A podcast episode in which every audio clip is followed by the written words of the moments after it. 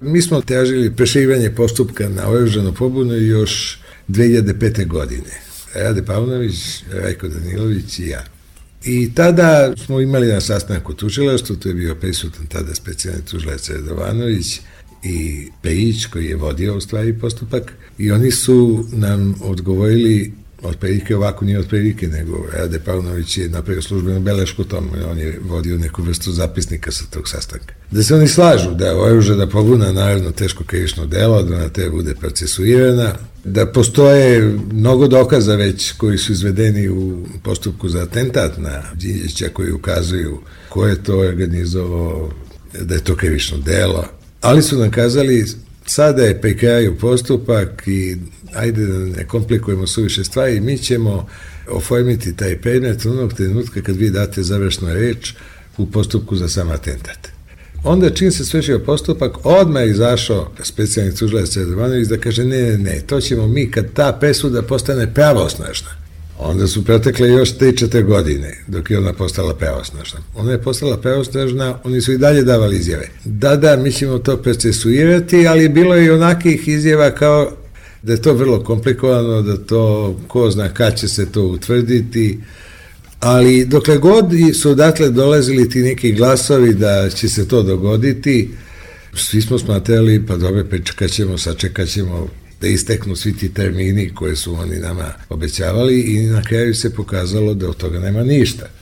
Umeđu vremenu, pod firmom političke pozadine, Oni su uhapsili Radeta Terzića sa jednom besmislenom optužnicom u kojoj su tvrdili potpuno bez ikakvih dokaza, sasvim proizvoljno, da je on pripadnik zemunskog klana. I to je učinjeno po meni jedino zato da se ova stvar, to je oružana pobuna, i politička pozadina oružane pobune, koji svo svoje strane predstavljaju političku pozadinu atentata, da se to uopšte ne raspravlja. Tako da više nismo mogli da verujemo ni u kakva obećanja, čak i pre mesec dana kada je izašlo jedno saopštenje procesuirati oružanu pobunu, ja u to nisam poverovao, jer mi se učinilo, ja sam bar tako shvatio, da su u specijalnom tužiloštvu iz činjenice da sam ja težio neka dokumenta ispisao, oni shvatili ću ja na kraju podneti krivičnom prijavu. Dakle, time mogu da vam objasnim zašto se ovo sve događa tek pet godina posle onoga trenutka kad mi je dato prvo običanje.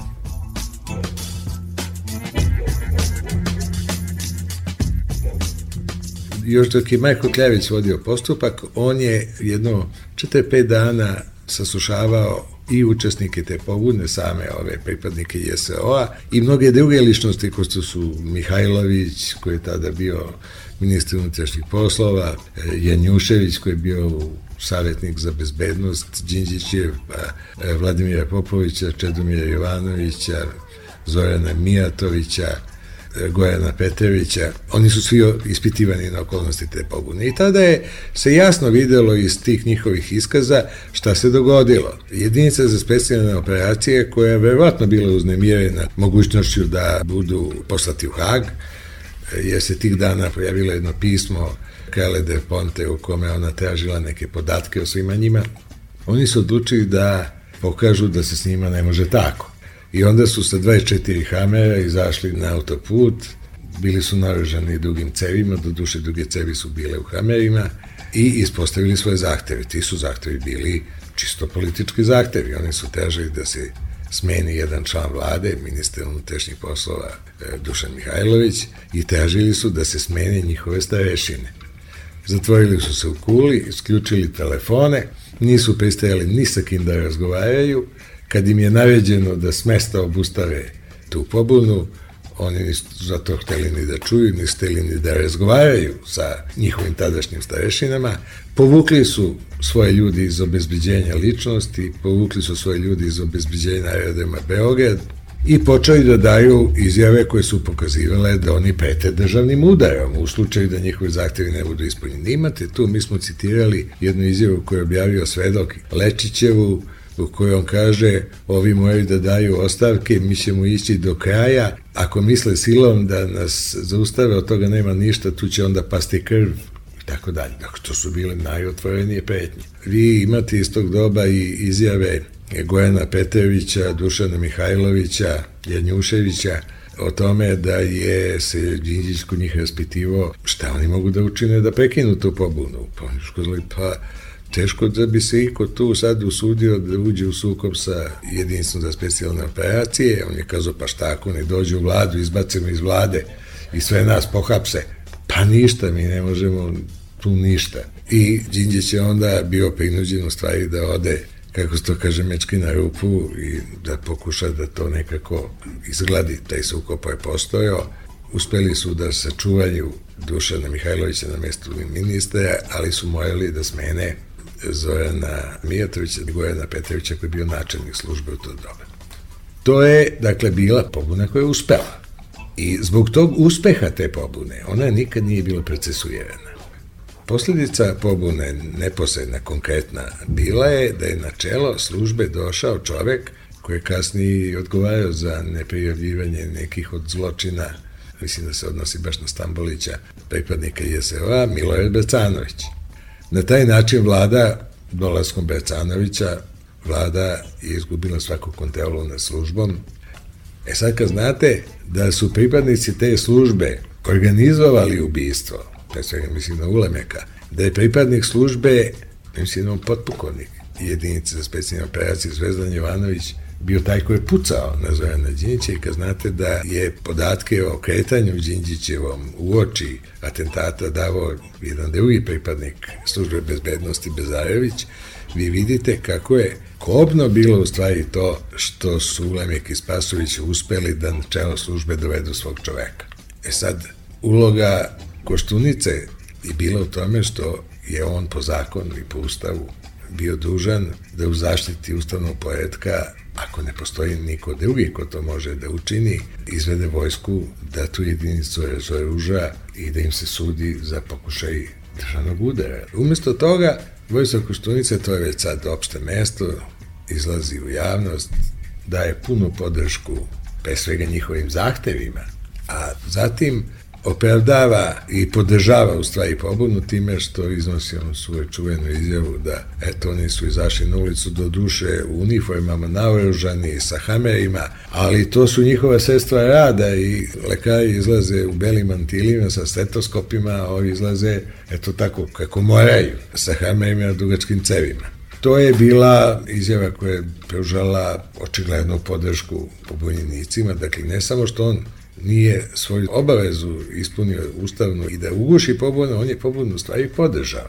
Ako znate da je tokom pobune ostvaren jedan neverovatan susret između Ace Tomića, koji je tad bio načelnik vojne službe bezbednosti, i tada već bivšega komandanta jedinice za specijalne operacije Ulemeka i jednog narkodilera Dušana Spasovića, koji nema nikakvog mesta u kabinetu načelnika vojne bezbednosti, i da je tom prilikom Ulemek koji je bio zabrinut upravo toga da će vojska intervenisati, jel? Možda se Koštunica pravio da mu to nije jasno, ali Ulemeku bilo potpuno jasno da bi tu bilo sad normalno da vojska interveniše. Pitao je tada Acu Tomića da li će vojska intervenisati, on mu kazao da ne, ne, vojska su to neće mešati. Dakle, to je suština onoga najkreće rečeno čim se ova prijava bavi.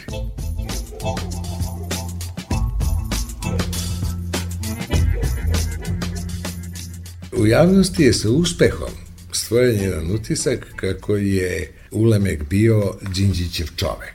E sad, kada vi se manete tih priča i pogledate činjenice, vi možete da vidite, i to je utvrđeno na tom procesu za sam atentat, vi vidite da je recimo već nekoliko meseci posle 5. oktobra Naliz dolazio u Kulu, u sedište jedinice za specijalne operacije. Došao je Sarajta Marković, najavljen je bio kao budući ministar unutrašnjih poslova i on je tada njih savjetovao da se oni priklone Koštunici, jer sa Koštunicom nema Haga.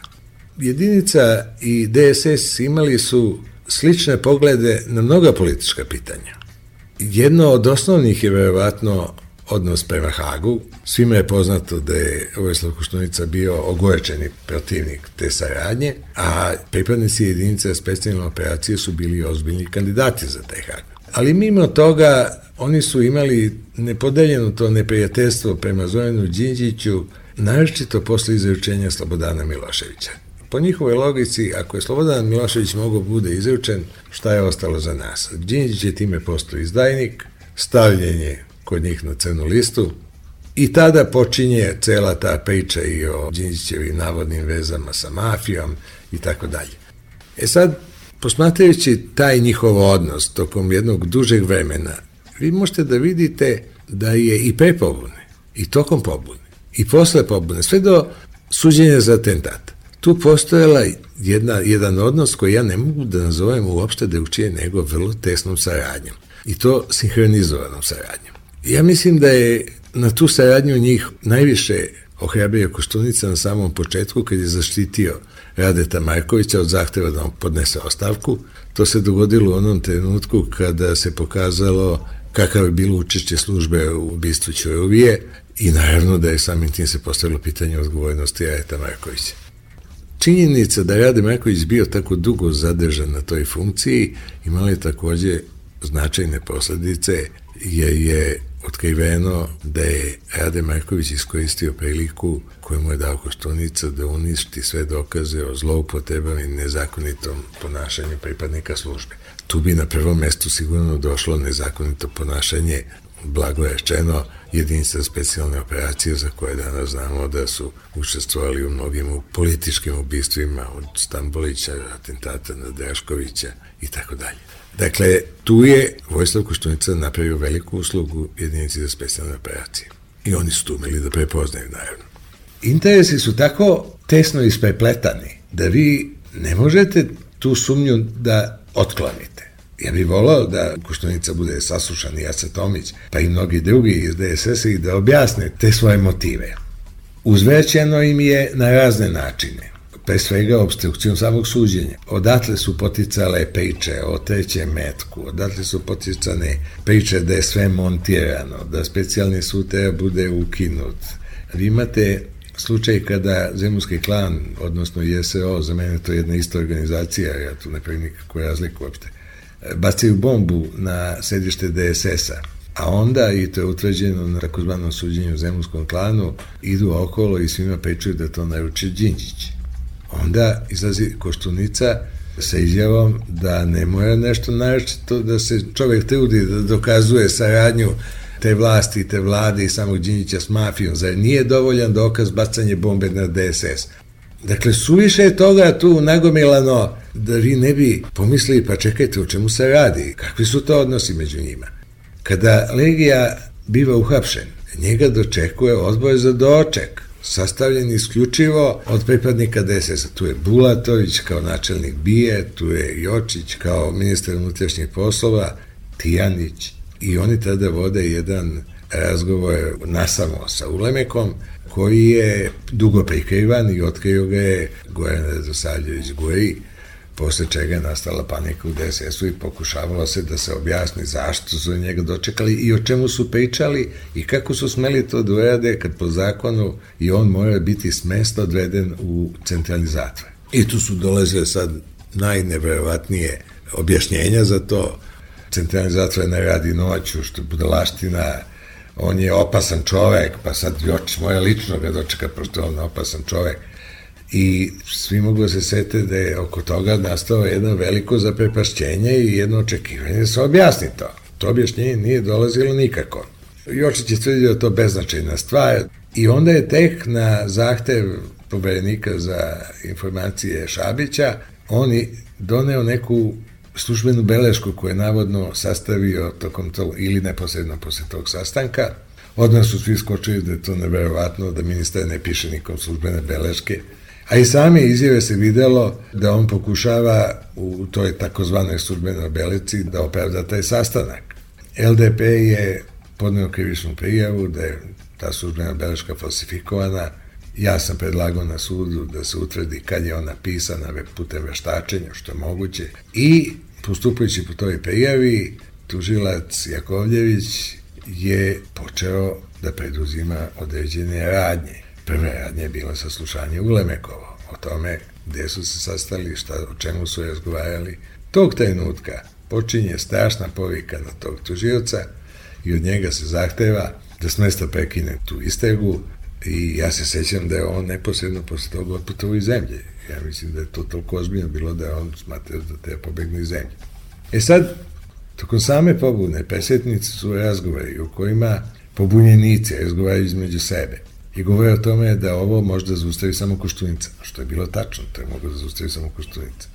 A razgovaraju o tome obavesti Koštunicu, što znači da on bio u toku s onim što se događa tokom pobune.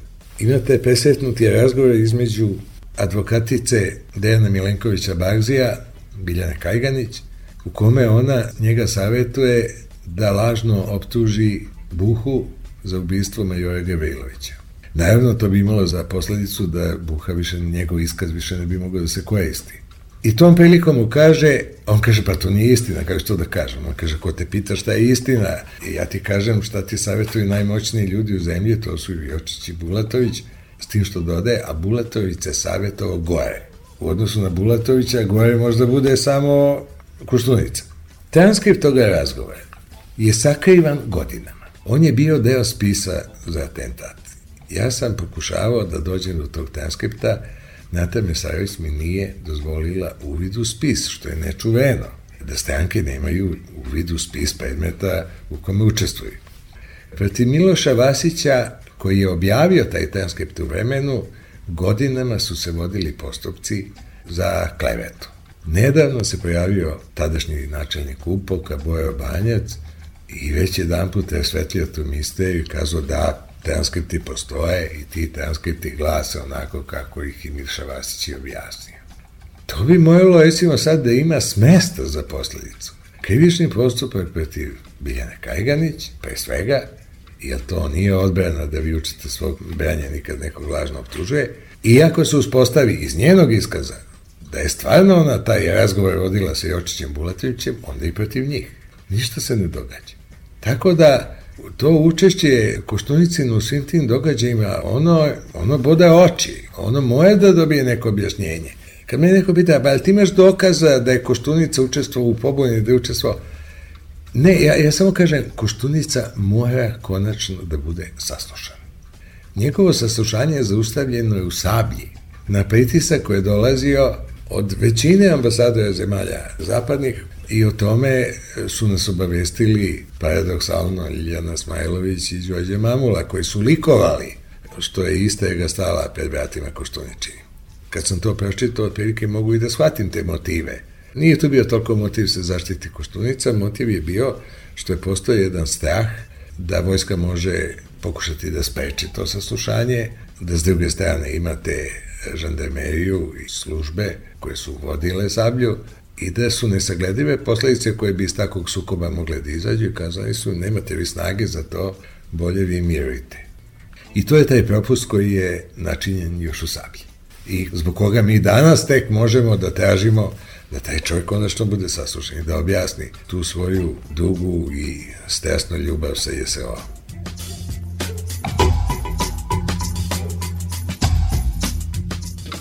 Aco Tomić, krivične prijeve na osnovu onog razgovora koji ste pomenjali koji je vodio sa tako Spasovićem da. i...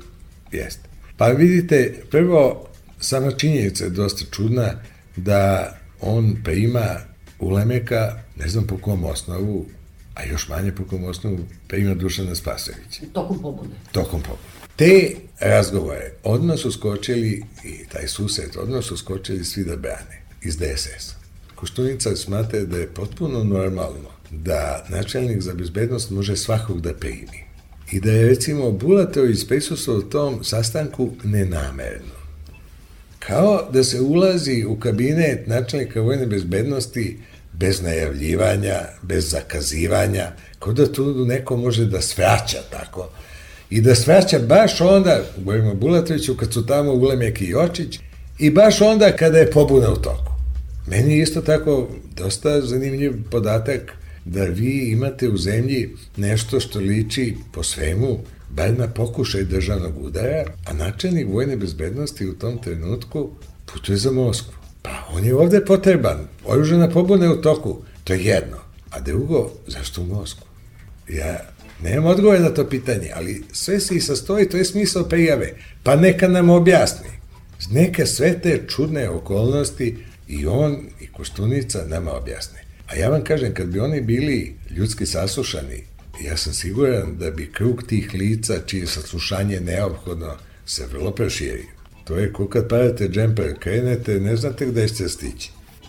Ovake sumnje s moje strane, ali i otvorene optužbe su u javnosti iznošene i protiv Koštunice i DSS-a i Jočića.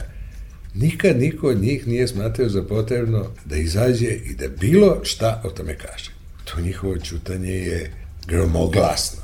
A kad pomislite kakve su posledice, onoga trenutka kad je došao na vlast, posle atentata i zbog atentata, taj atentat je srušio Živkovićevu vlast. Bilo je jasno da su oni slabi i da on nju može zbesati svaku u svakom trenutku i da sve to što je Zoran Đinđi hteo, da to u ovoj Srbiji ne može da prođe. To je bio taj signal koji je poslat već u pobuni, a naročito u atentatu. Još jednu stvar ne treba zaboraviti. Jedinica za specijalne operacije, sam ulemek, nikad ništa nisu zaradili na svoju ruku. I on je dao jednu fantastičnu izjavu onome Katiću, kad je kazao, pa mi smo samo metak, mi putujemo tamo gde nas neko ispali.